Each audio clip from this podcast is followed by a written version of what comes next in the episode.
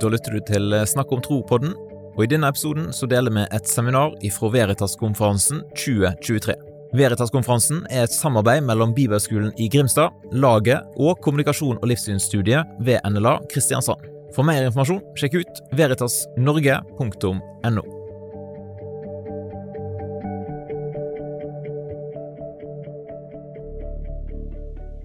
Tusen takk. Eh, flott å få være i stappfullt auditorium og skulle få da snakke om Imagine morality. Uten Gud er alt tillatt. Og som noen av dere sikkert fikk med dere da på sofapraten borte i eh, hallen tidligere i dag, så er jo dette en bok og et tema om det moralske Guds argument. Og denne setningen 'uten Gud er alt tillatt', den har jeg jo da egentlig rappa eh, fra Fjodor Dostojevskij. Som i den veldig, veldig kjente romanen eh, 'Brødrene Karamazov' så dukker den setningen opp. Eh, I hvert fall så dukker den sånn nesten opp, sånn at man har da forkorta budskapet som en karakter i den romanen fremfører. Man har forkorta det til dette ordet, eller denne korte setningen. Uten Gud er alt tillatt. Det er jo en ganske provoserende tittel. Det har jeg opplevd allerede etter at boka ble lansert. Eh, det er veldig vanskelig å møte skeptikere, agnostikere, ateister som ikke blir sure eh, på den tittelen. Eh, og derfor så kan det kanskje være lurt å bare starte med å si at, at påstanden er ikke, i hvert fall ikke min påstand, kanskje Dostojevskijs påstand var det, men min påstand er ikke at de som avviser kristen tro, oppfører seg som om alt er tillatt, sånn i praksis.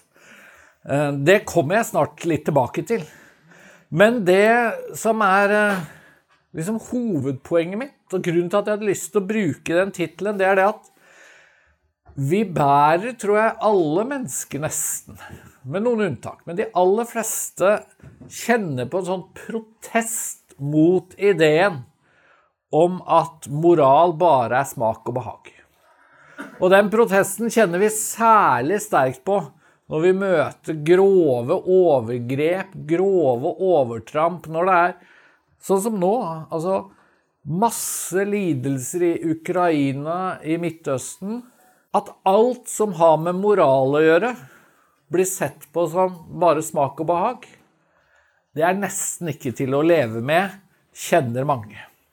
Og da trenger vi på en måte å forklare den protesten vi kjenner på. Og vi trenger kanskje også en forklaring på at moral ikke bare er smak og behag. Og kan vi da stå overfor et Guds argument? Jeg hadde lyst til å starte litt med ei interessant dame som jeg tror ingen av dere har hørt om. Tipper det. Lea Libresco. Omtrent sånn, tipper jeg det sies. Hun var oppvokst helt sånn ikke-religiøst, ateistisk, i New York i USA. Helt blank på kristen tro, men sylskarp dame som etter hvert gjennom sine studier og diskusjoner ble overbevist om at objektiv moral, det må finnes. Det går ikke an å se for seg at vår, vårt univers, vår verden, ikke har noe Altså moralen må være noe mer enn smak bak. Og så prøvde hun å finne ut hvordan skal jeg forstå dette. Og en av bøkene hun, av bøkene hun leste og med, med, stor forventning, det var Sam Harris. 'The Moral Landscape'. Sam Harris er jo en av disse uh, friske nyatistene av den ganske sånn gretne, aggressive sorten. Uh, og han har altså skrevet en bok som er veldig offensiv, for å si det sånn. 'How Science Can Determine Human Values'. Det han lover, er at vitenskapen kan forklare hvorfor noe er rett og noe er galt, eller forklare våre verdier.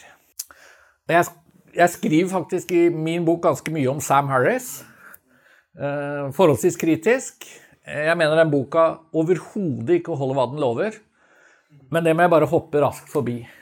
For det interessante er at jo mer Lea Libresco prøvde å lese forfattere som skulle på en måte forklare hvordan det går an å tro på en objektiv moral uten å blande inn Gud, men ta inn vitenskap f.eks., jo mer skuffa ble hun. Og så traff hun noen studievenner som tipset om C.S. Lewis og boka Mere Christianity, eller Se det i øynene, som den heter på norsk. Og så syns hun at han argumenterte jo mye bedre for synet på moral Hvorfor moralen må være objektiv, hvorfor vi opplever moralen som objektiv.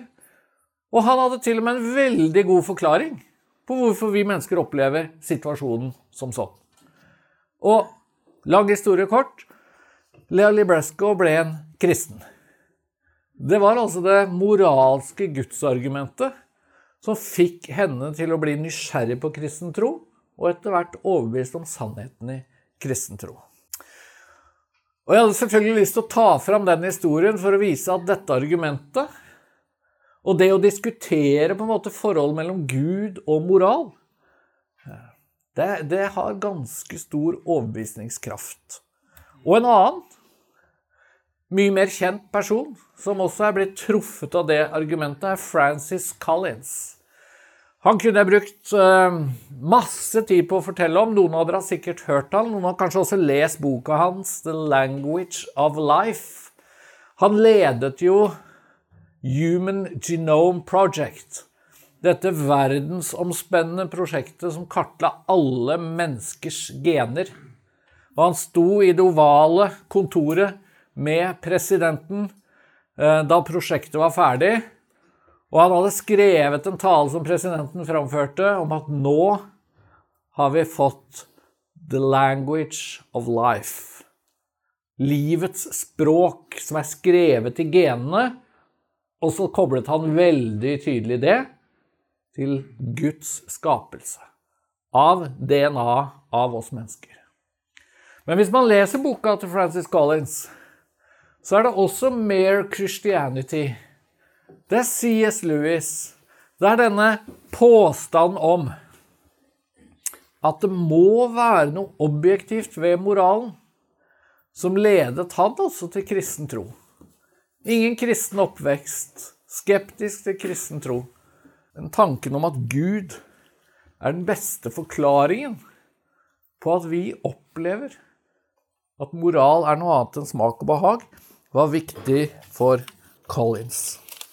Og nå har jeg allerede snakket om objektiv moral noen ganger. Og noen av dere er helt sikkert ikke så vant til den begrepsbruken. Hva menes med egentlig objektiv moral? Og jeg har vel også allerede sagt at det fins egentlig bare to alternativer sånn grunnleggende sett. Objektiv moral eller moralen handler dypest sett om smak og behag. Eller den kan være subjektiv. Av og til sier noen relativ.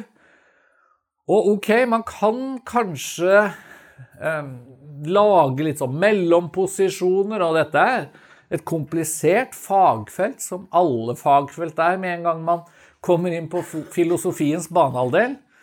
Men jeg er opptatt av å få sagt at dypest sett så fins det bare to muligheter. Og så fins de mulighetene med varianter. Men enten så er, noe, er moral noe vi mennesker har funnet opp, eller funnet på. Det er altså en menneskelig konstruksjon på et eller annet vis. Eller så er moral noe vi finner frem til, noe vi oppdager. Altså så, noe som finnes på en måte utenfor oss selv og det rent sånn subjektive. Og for kristne så er det jo helt opplagt at moralen er objektiv. Det er opplagt fordi det mest fundamentale for kristne mennesker er at Gud har skapt oss, og Gud har bedt oss om å elske Han med hjertet vårt, fornuften vår, med hele oss, og vi skal elske vår neste som oss selv. Det blir på en måte ikke mer objektivt enn det.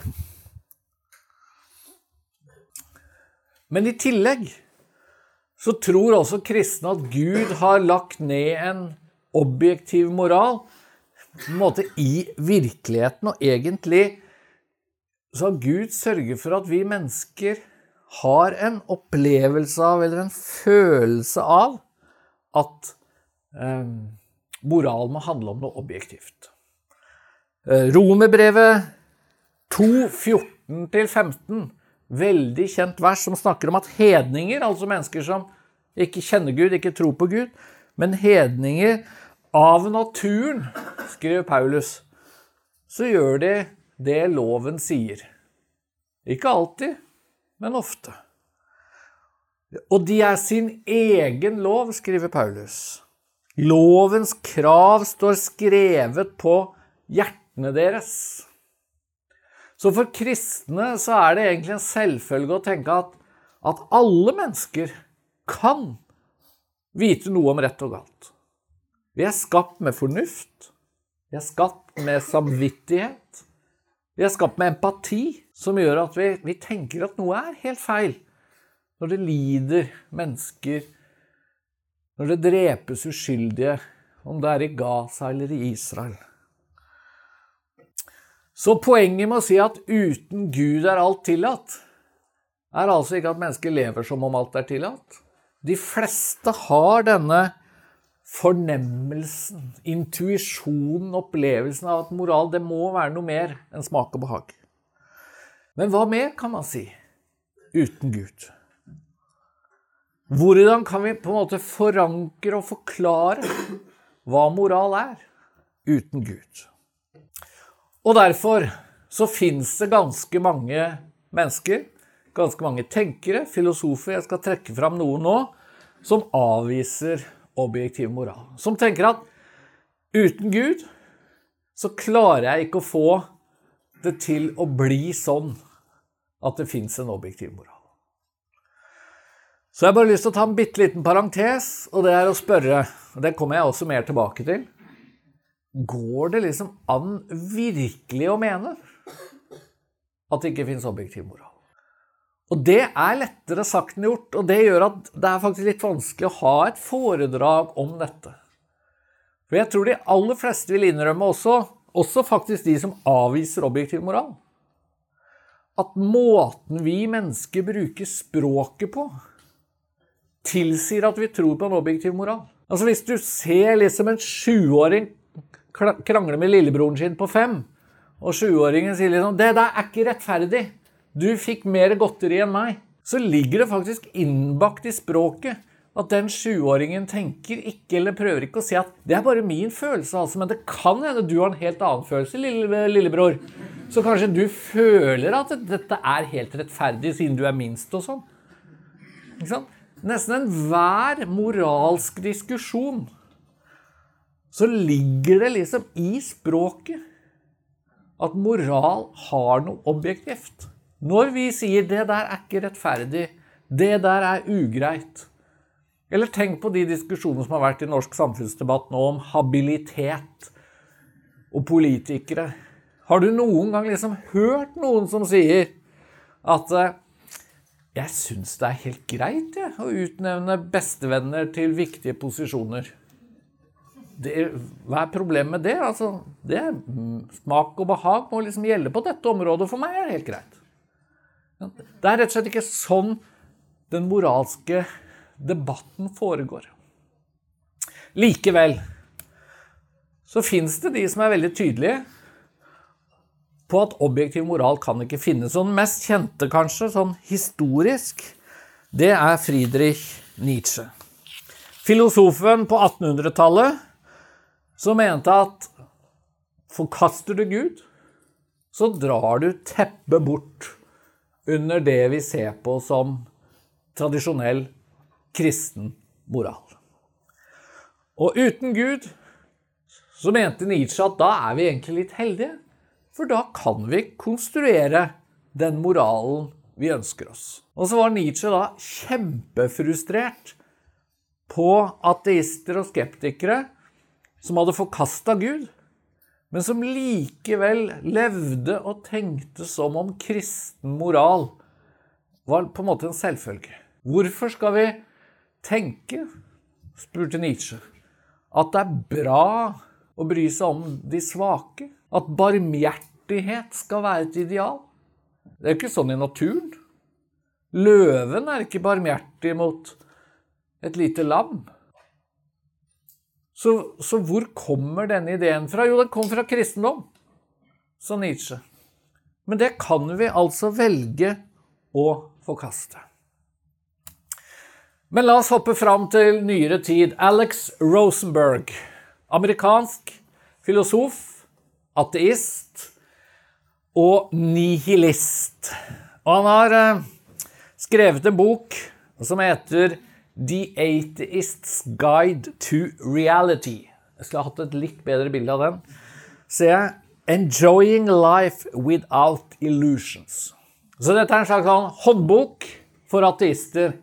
Sånn er du, ifølge Alex Rosenberg, en skikkelig ateist som tar konsekvensen av din ateisme. Jeg pleier av og til å si at det er en av de mest oppbyggelige bøkene jeg har lest. Og med det mener jeg faktisk bare at hvis man leser den boka, så tenker man Du verden så mye rart du må tro hvis du er ateist. Ufattelig mye mer praktisk å være kristen. Og så er ikke tid til å liksom utdype det sånn i sin bredde, men for å ta da spørsmålet om moral og objektiv moral, så sier altså Alex Rosenberg om det å være nihilist, som han altså er. Nihilisme avviser skillet mellom handlinger som er moralsk tillatte, moralsk forbudte og moralsk påkrevde. Nihilisme forteller oss ikke bare at vi ikke kan vite hvilken moralsk dom som er riktig, men at alle dommer er feil. Mer presist, påstanden er at de alle er basert på falske, grunnløse forutsetninger.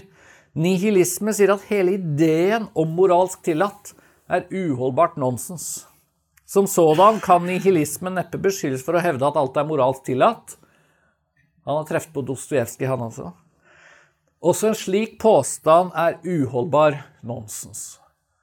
Så Rosenbergs protest mot påstanden 'uten Gud er alt tillatt', den er av den milde sorten. For selve ideen 'tillatt' gir ikke mening. Så alt som handler om, om, moral, er rett og slett bare smak og behag.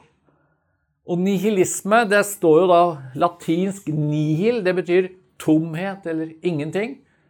Så når han sier at han er en moralsk nihilist, så betyr det at alt som handler om etikk og moral, det er egentlig bare tomhet. Det fins egentlig ikke. I beste fall så er moral bare en slags sånn emosjonell respons. Det betyr ikke noe mer enn at du føler at det er ugreit at en eller annen person gjør sånn eller sånn. Eller at du selv gjør sånn eller sånn. Du bare føler det, men det er ingenting mer holdbart enn som så. Og så kan vi jo spørre, da Klarer Alex Rosenberg å følge opp denne ideen? Hvordan, hvordan lever du med å tenke at det fins ingen reelle moralske dommer? Alt er nonsens. Og det går sånn passe, for å si det sånn. Eh, et sted i boka, litt senere enn dette står, så skriver han at evolusjon har heldigvis gitt oss mennesker den rette moral. Det er ganske fascinerende at du kan skrive dette. Og så litt senere i samme bok så slår du fast at vi heldigvis har fått den rette moral. Og noen ganger så ser det også ut til at han mener, i motsetning til Nietzsche, at det er bra å ha medfølelse med mennesker. Men det også er jo nonsens ut ifra denne programerklæringen. Hvorfor er det bra med medfølelse? Det var Alex Rosenberg og så til den kanskje mest kjente i dag, som jeg har lyst til å bare nevne litt eh, kort. Yuval Noah Harari. Han har mange av dere hørte om. Forfatteren av denne boken 'Sapiens'. Bestselger. Den har solgt 12 millioner, tror jeg, sist jeg googlet det. Han har jo blitt en intellektuell superstjerne. Historiker. Og han er nok bedre historiker enn eh, filosof. Eh, men han også da tar et oppgjør for å si det sånn, med ideen om objektiv moral. Han gjør det på denne måten. Det står sånn i boka. Det finnes ikke universelle og uforanderlige moralske prinsipper med objektiv gyldighet. Sitat Det eneste stedet hvor slike universelle prinsipper fins, er i den fruktbare fantasien til sapiens, og i mytene de finner opp og forteller til hverandre.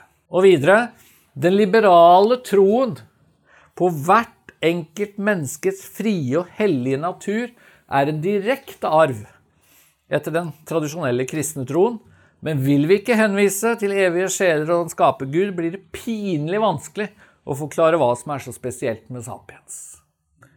Så Harari han tar altså både et oppgjør med ideen om at det fins en objektiv moral, universelle, moralske, uforanderlige prinsipper av en eller annen art fins ikke. Og selve ideen om et menneskeverd. At det er noe spesielt med mennesket, at vi er likeverdige, tar han også et oppgjør med. Og Jeg er blant dem som er veldig overraska over at anmeldere og de som har lest denne boka, tydeligvis syns at dette er greit. Dette er vitenskapelig holdbart. Dette er det vi bør stå for hvis vi skal være oppdaterte mennesker. Jeg syns det er usedvanlig radikalt. Og noe av det rareste, syns jeg, ved denne boka, er at han, han prøver å forklare hvordan han kan mene dette, ved å sammenligne Hammurabis lov og den amerikanske uavhengighetserklæringen. Hammurabis lov, babylonsk lov fra, som er 3000 år gammel. Og den lovteksten sier veldig klart ifra at mennesker kommer i tre versjoner. Du har liksom eliten, herskerne, de mektige. Så har du vanlige folk, og så har du slaver. Og hele lovsamlingen er bygd opp på at de tre gruppene de skal behandles ulikt. De har ulike rettigheter og ulike plikter, alt etter hvilken bås de passer i. Og sånn, sier Hammurabis lov, sånn er det bare. Sånn har gudene skapt verden. Og så har du den amerikanske uavhengighetserklæringen, som de fleste er litt mer kjent med, hvor det står at alle mennesker er født like, har rett til frihet, muligheten til å skape seg lykke. Eh, vi har umistelige rettigheter. Alle har det. Likeverdet er en selvfølge. Og så skriver altså Harari at både Hammurabis lov og den amerikanske uavhengighetserklæringen presenterer liksom sine lover, sine prinsipper, som selve sannheten. Og så er hans konklusjon men alt er myte. Alt er menneskekonstruert. Du kan ikke si at det ene er mer rett og sant og riktig enn det andre. Utrolig radikalt. Ønsker du å lære mer om kristen tro, og kanskje ha en digital dialog med en kristen e-coach? Sjekk ut nettkursene på kurs.omgud.nett. Eller kanskje kjenner du noen som kunne hatt glede av et sånt nettkurs? Da håper jeg at du har lyst til å sende deg et tips om den muligheten. Nettkursene er selvfølgelig 100% gratis.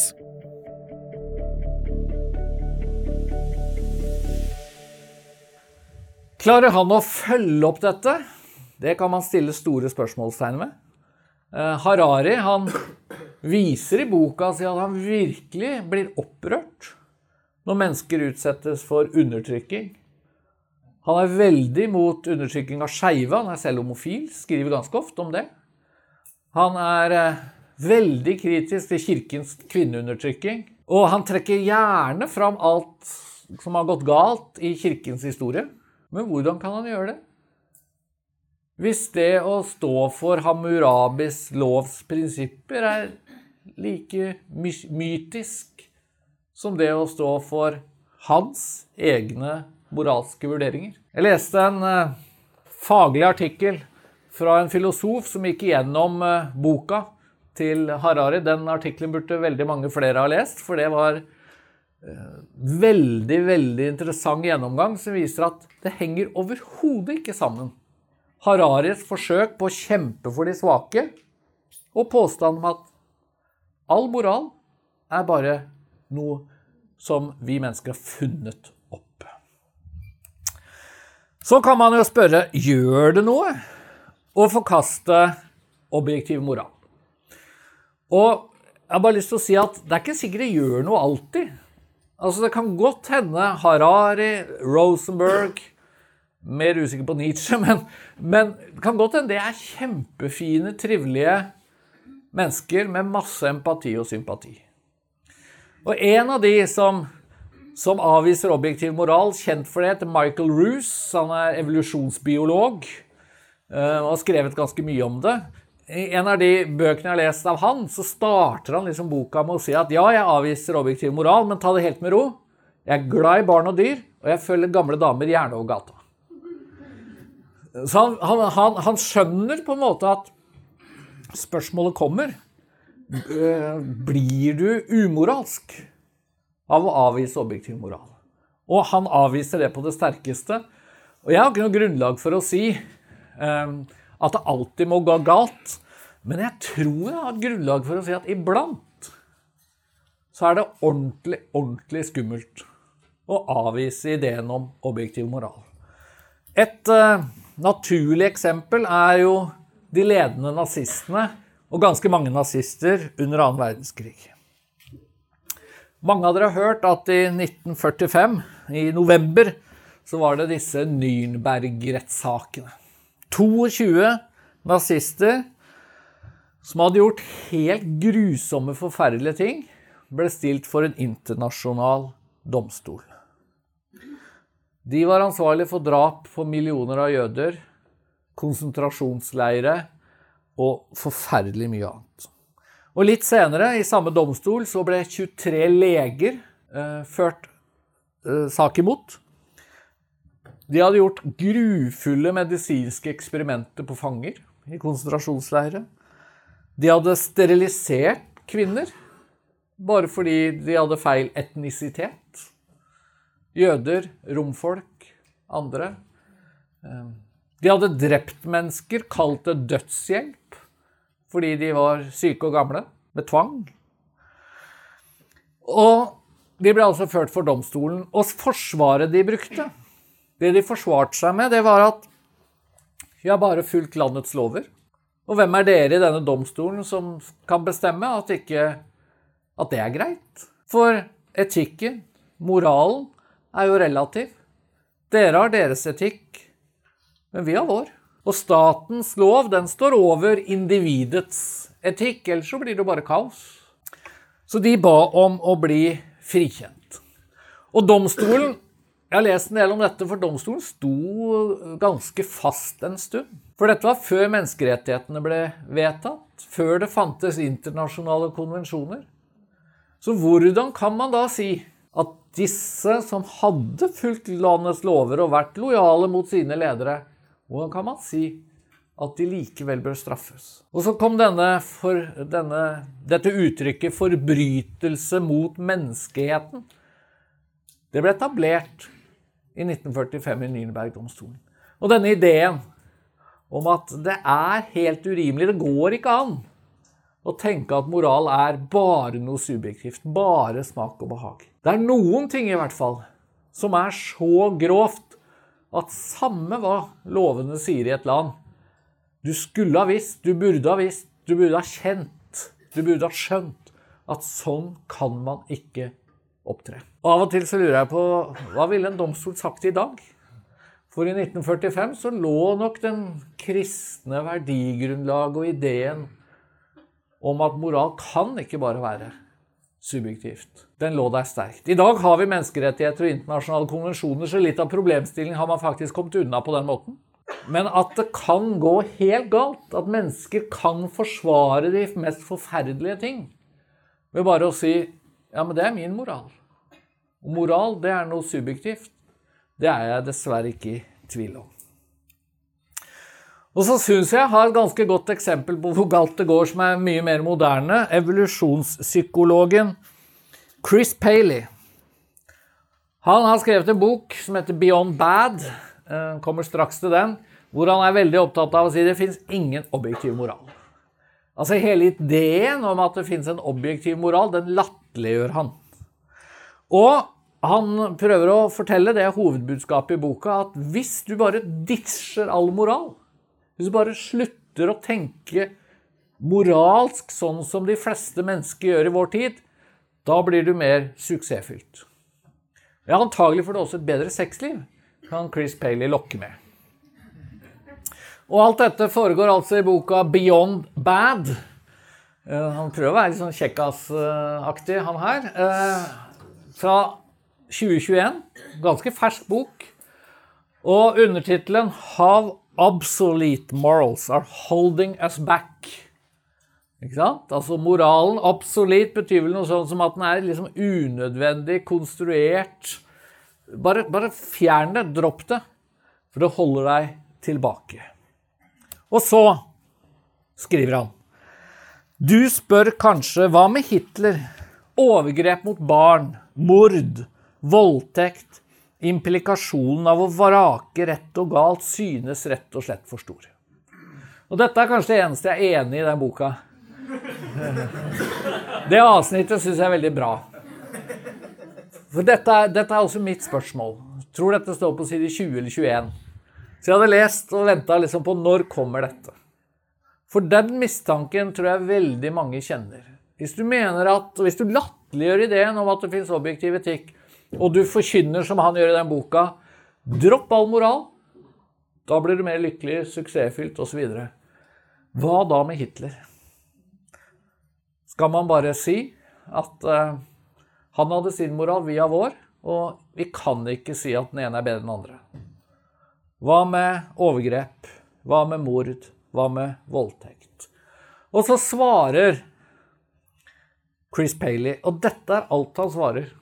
Dette ligner litt på moren, som etter å ha fått vite at datteren har forlatt sin tro, spør betyr dette at du ikke tror at bestemor er i himmelen.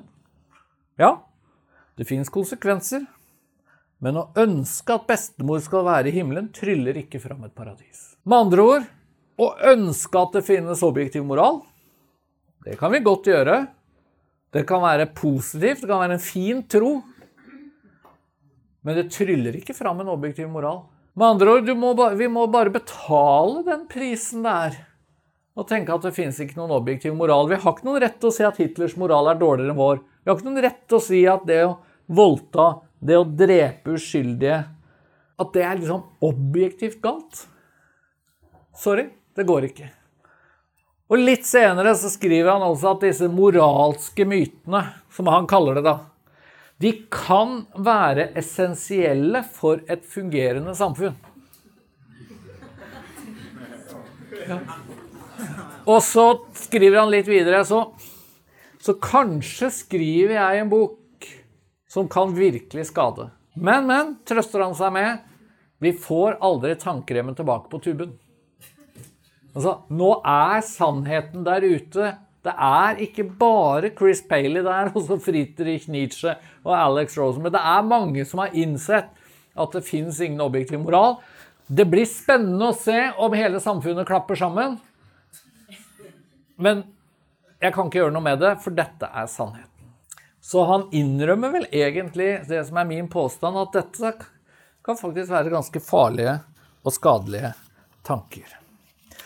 Og det er akkurat det da, som gjør at det fins ganske mange ateister, skeptikere, filosofer som vil ha en objektiv moral uten Gud. Jeg har vist allerede til Sam Harris i Forbifarten.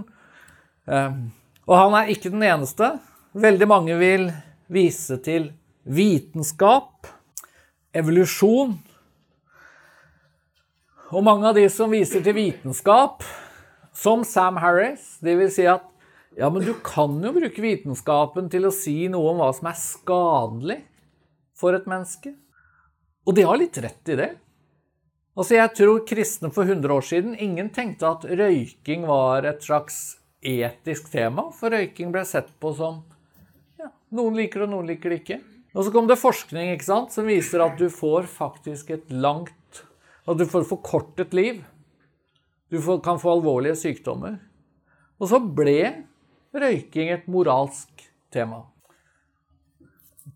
En sånn tørr historie du har hørt om. Han som røyka og gikk til pastoren og spurte kan jeg komme til himmelen selv om jeg røyker.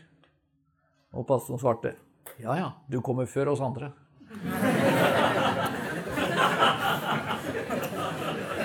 Ok. Det var en avsporing. Eh, Men jeg tror vi tenker at som kristne, hvis kroppen er et tempel for Gud, så er røyking et moralsk tema. Og det er det vitenskapen som har vist oss. Og jeg tror du kan trekke fram ganske mye ved vitenskapen som kan si oss noe om rett og galt. Og kanskje kan evolusjonslæren også, det vil jo de fleste si, eh, si oss noe om hvor, hva slags moralske instinkter vi har fått. Problemet er at dette løser ikke nok. Det skaper ingen objektiv moral. Eksempel å begrunne rasjonelt at vi bør bry oss om fremmede mennesker, er utrolig vanskelig. At jeg ikke bør røyke fordi det skader meg og jeg kan få et kortere liv, det er ganske enkelt. Men hvis jeg gjør et eller annet som ikke skader meg, tvert imot det gjør meg glad, fornøyd, tilfreds, men det skader andre, hva er det rasjonelle argumentet for at jeg bør bry meg om det? Hvis det ikke rundt neste sving skader meg, ofte er det jo sånn? Hvis, du veldig, hvis du prøver å lure sjefen din, jobben din, så kan det liksom slå tilbake på det. Eller kona di, eller vennene dine, eller noen. Veldig ofte er jo det å opptre moralsk rett og slett ganske lurt. Men hva når det ikke er det? Og Det er jo derfor det fins menneskesmuglere, våpensmuglere. Det er derfor mennesker begår forferdelige ting av og til, fordi de Kanskje tar de feil, men på et eller annet tidspunkt så tenker de i hvert fall at dette her gir meg en eller annen form for glede. Og hvordan skal du da argumentere rasjonelt for at du skal bry deg om alle mennesker, for alle er likeverdige? Og enda verre blir det når evolusjonen kommer inn. Hvordan Altså Hvis alt er evolusjon, hvis alle moralske instinkter skyldes evolusjonen, så er jo problemet at, at noen instinkter er jo ikke så bra. Noe av det vi kjenner på en trang til å gjøre, kan jo være ordentlig, ordentlig skadelig. Og de som jobber med evolusjonsbiologi og moral, vil jo f.eks. si at antageligvis så er denne ideen om oss og dem Den kommer ut av evolusjonen fordi at vi er sånn konstruert sånn at vi bryr oss om våre nærmeste. Vi bryr oss om de som ligner på oss. Det fins forskning Jeg vet ikke hvor bra den er, men det er, det er noe forskning som sier at selv en liten baby som er vokst opp med eh, blekansikter som eh, foreldre, den babyen er litt mer skeptisk til et svart menneske. Sånn instinktivt. Så kanskje en del forskere vil si det at rasisme det ligger i genene våre. Uansett hvilke gener Hvis alt er revolusjon, hvilke gener, hvilke instinkter skal jeg lytte til? Hvor, hva, hvor er denne målestokken som sier at de rasistiske genene er feil? Mine empatiske gener er riktig? Det er en amerikansk filosof som heter Sharon Street, som har skrevet en utrolig interessant artikkel om dette. Hun, hun tror ikke det finnes noen objektiv moral, for det går ikke an å forene med evolusjonen. For hun skriver at hvis evolusjon bare er tilfeldig, altså man kobler overhodet ikke innom Gud i det hele tatt, da kunne vi hatt en litt annen moral, da. Evolusjonen kunne f.eks. gjort oss litt mer lag som sjimpanser. Hvor det fins én sjef i flokken, og føler han seg trua, så dreper han de som truer han. Eller vi kunne blitt litt mer som bier hvor det er dronningen betyr alt. Og det å ofre seg for dronningen er en selvfølge. Det er noe alle gjør uten å tenke seg om, av bier. Så hvorfor skal vi mene at vår moral er liksom den rette, den objektive, den korrekte? Ja, Det er det, da, dette jeg har skrevet om i 'Uten Gud er alt tillatt'. Det er kanskje særlig to ting jeg da prøver å vise. Eh, jeg har vært innom litt allerede, eller ganske mye. Men det å forankre moral, eh, sekulært eller vitenskapelig, eller rasjonelt om du vil, det er veldig, veldig vanskelig. Kanskje kommer du et lite stykke på vei, men jeg har allerede trukket fram noen ting. som det er veldig vanskelig å begrunne sekulært.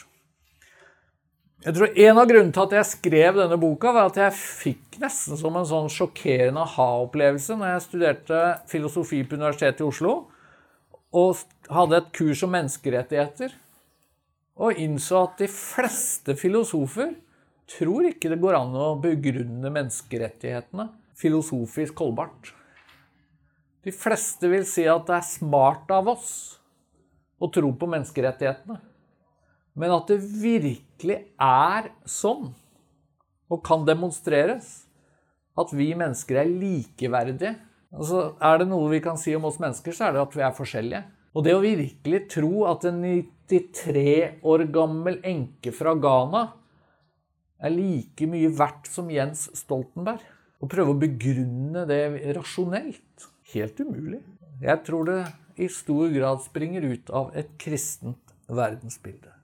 Og jeg tror altså at uh, Gud er den klart beste forklaringen, begrunnelsen, for at det fins en objektiv moral. Det betyr ikke at bare man tror på Gud, så blir man moralsk. Alle mennesker, troende eller ikke-troende, har en fantastisk evne til å tenke mest på seg selv. Dessverre. Så poenget mitt er ikke at gudstro garanterer god moral, men at gudstro begrunner objektiv moral. Og dette er viktig fordi, som sagt, hvis moral bare er smak og behag, da, da er det egentlig umulig å diskutere moral. Og det, det kan være farlig. Ok. Jeg tror jeg skal sette strek der, så det er litt mulighet for spørsmål og kommentarer og den slags. Eh, da, skal jeg, da har jeg fått beskjed om å repetere spørsmål og sånn, og så prøver vi på en samtale. Nei. Hører deg. Jeg hører deg. Takk for spørsmål. Litt usikker på om jeg klarer å repetere det raskt. Men eh, poenget ditt er i hvert fall at eh, det fins andre perspektiver, andre ideer, enn de hovedperspektivene jeg har belyst her. Nemlig enten så kobler du på en måte moral til en form for gudstro. Jeg kobler det til kristgudstro og tenker det er det som forklarer at det fins en objektiv moral. Og så har jo mitt fokus vært på en måte denne materialistiske ateismen, den reduksjonistiske ateismen, hvor, hvor, det er på en måte hardcore vitenskap og evolusjon. Det er det vi liksom uh, bygger på. Uh, og jeg tror den trusselen er størst. Det er jo derfor jeg skriver på en måte mest om det og opptatt av det. For en av grunnene til at Harari um, leses så voldsomt og har fått sterkt gjennomslag, er jo nettopp fordi han Ehm, han treffer nok på en måte tidsånden ved å tenke at eh, vi har ikke så mange andre ressurser enn vitenskap og evolusjon. Men du har helt rett. Det fins andre alternativer. Det fins mennesker som, uh, som, vil si at eh, jeg er en etisk platonist. Lea Librasco, som jeg starta med, hun sa det at ja, jeg må nok innrømme at, at jeg er en platonist. Og det som flyttet henne til kristen tro, det var at ja, men moralen oppleves ikke som fjern platonisme. Det er noe som forteller meg også at jeg er ansvarlig. Og så var det det som faktisk fikk henne til å tenke at, at det at på en måte Gud har kommet inn i vår verden og ansvarliggjør oss, eh, på en måte gjør moralen annerledes enn platonismen eh, tilsier. Jeg tror jeg nøyer meg med det nå. Kan snakkes mer etterpå. Du, og så du, og så vet jeg ikke om vi rekker flere.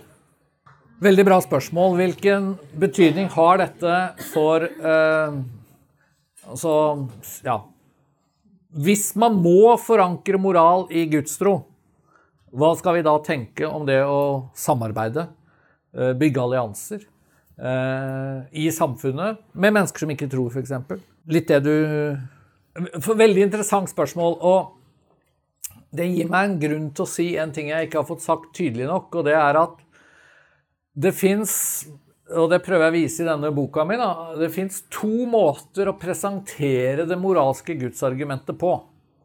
C.S. Lewis eh, bruker nok den metoden jeg syns eh, fungerer best, og det er å si at vi har alle en slags fornemmelse av at det finnes en objektiv moral.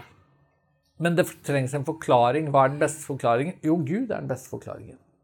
Men hvis du har den innfallsvinkelen, så kan du jo tenke at eh, de menneskene som har denne fornemmelsen, de kan jeg jo samarbeide med. De kan jeg jo være takknemlig for at fins. Det, det, er jo det som gjør at når jeg har kjøpt, kjøpt nytt hus, så har jeg liksom ikke gått og sjekka mot tro om naboene er kristne. fordi at hvis de ikke er det, hvis de er sånne ugudelige naboer, så kan jo vi antagelig ikke samarbeide om noe som helst. Sikkert forferdelige naboer, for de går rundt og tenker at alt er tillatt, liksom.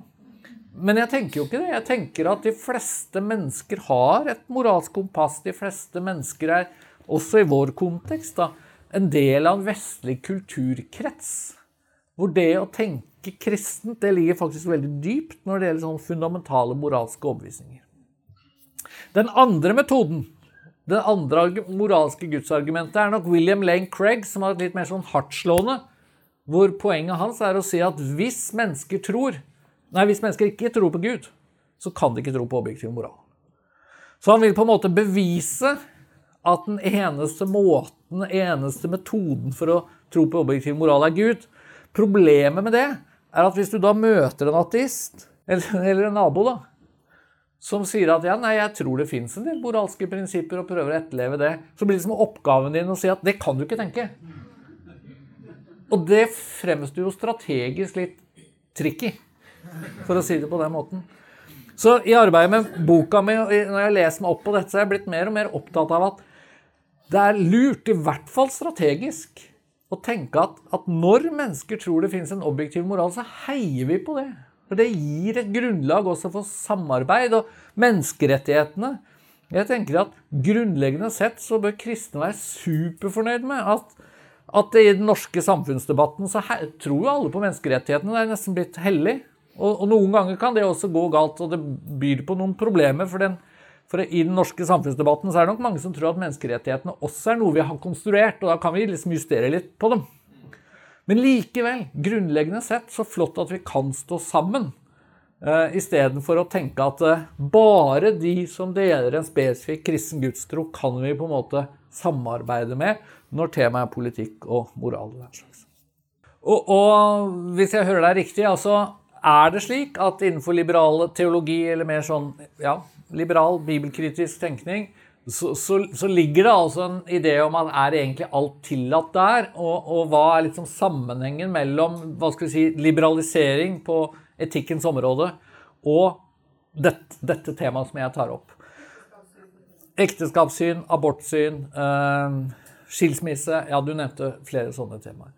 Eh, jeg tror faktisk mitt svar er, er omtrent sånn at det jeg prøver å snakke om her, det er jo da metaetikk. Det er, liksom, det er alt det vi diskuterer før vi begynner å diskutere spesifikke etiske temaer. Og um, innenfor liberalteologer så vil veldig mange altså Det som er grunnleggende for dem, det er nok at Gud fins, og troen på Gud. Men uh, det er veldig grunnleggende at du trenger ikke Bibelen for å Altså Det holder på en måte å være menneske som kjenner på samvittighet og bruker sin fornuft og bruker sine erfaringer og sin empati. Og da kommer man veldig annerledes ut. Jeg tror ikke de kommer så veldig annerledes ut. Altså, jeg, for, altså, det er ufattelig få mennesker i dag som virkelig mener at uten Gud er alt tillatt. Altså, er det noen som Er det noen folk mener i dag at er en objektiv moralsk sannhet, så er det jo at du skal eh, heise prideflagget å akseptere alle seksuelle aktiviteter så lenge det er samtykke og gjensidighet. Altså Det fins nesten ikke noe mer sånn fundamentalt eh, objektivt i vårt samfunn enn akkurat det, samt menneskerettighetene. Så det som er min eh, følelse i møte med ditt spørsmål, er at det som har endra seg mest i, i liksom det kirkelige landskapet, det er at konservative kristne vil, vil på en måte si vi skal bygge på Bibelen. Og det er mer i Bibelen om rett og galt enn bare kardemommelov. Etikk handler om noe mer enn bare 'jeg skada ingen'. Da må det være greit. Eh, konservativ kristen etikk vil stort sett f.eks. vektlegge at, at når Gud har skapt, når Gud har skapt et foster, når Gud har skapt oss til mann og kvinne, når Gud har innstifta ekteskapet, når Gud har skapt um, Skapt oss til å bli født på et tidspunkt, og Gud er den som tar fra oss livet, så får på en måte skapertanken ganske stor betydning for synet på abort, synet på dødshjelp, synet på hva et ekteskap er, og hva som definerer et ekteskap. Så jeg tror uenigheten ligger på det rent sånn etiske, mens vi kan kanskje være sånn noenlunde enige med eh, også, også, i den brede kristenhet om at dypest sett så er det forankra i Gud. Spørsmålet er liksom hva gjør vi med Bibelen midt oppi? Jeg tror vi er sånn noenlunde på overtid. At uh, vi setter strek der.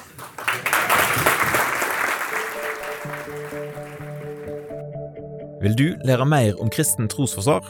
Ta turen på neste Veritas-konferanse, eller sjekk ut ressursene på snakkomtro.no. Du kan òg studere kommunikasjon, livssyn og kristen apologetikk på NLA Høgskolen. Sjekk ut nla.no kl. Setter du pris på at vi deler sånne ressurser via Snakk om tro-podkasten? På damaris.no finner du informasjon om hvordan du kan støtte arbeidet vårt økonomisk.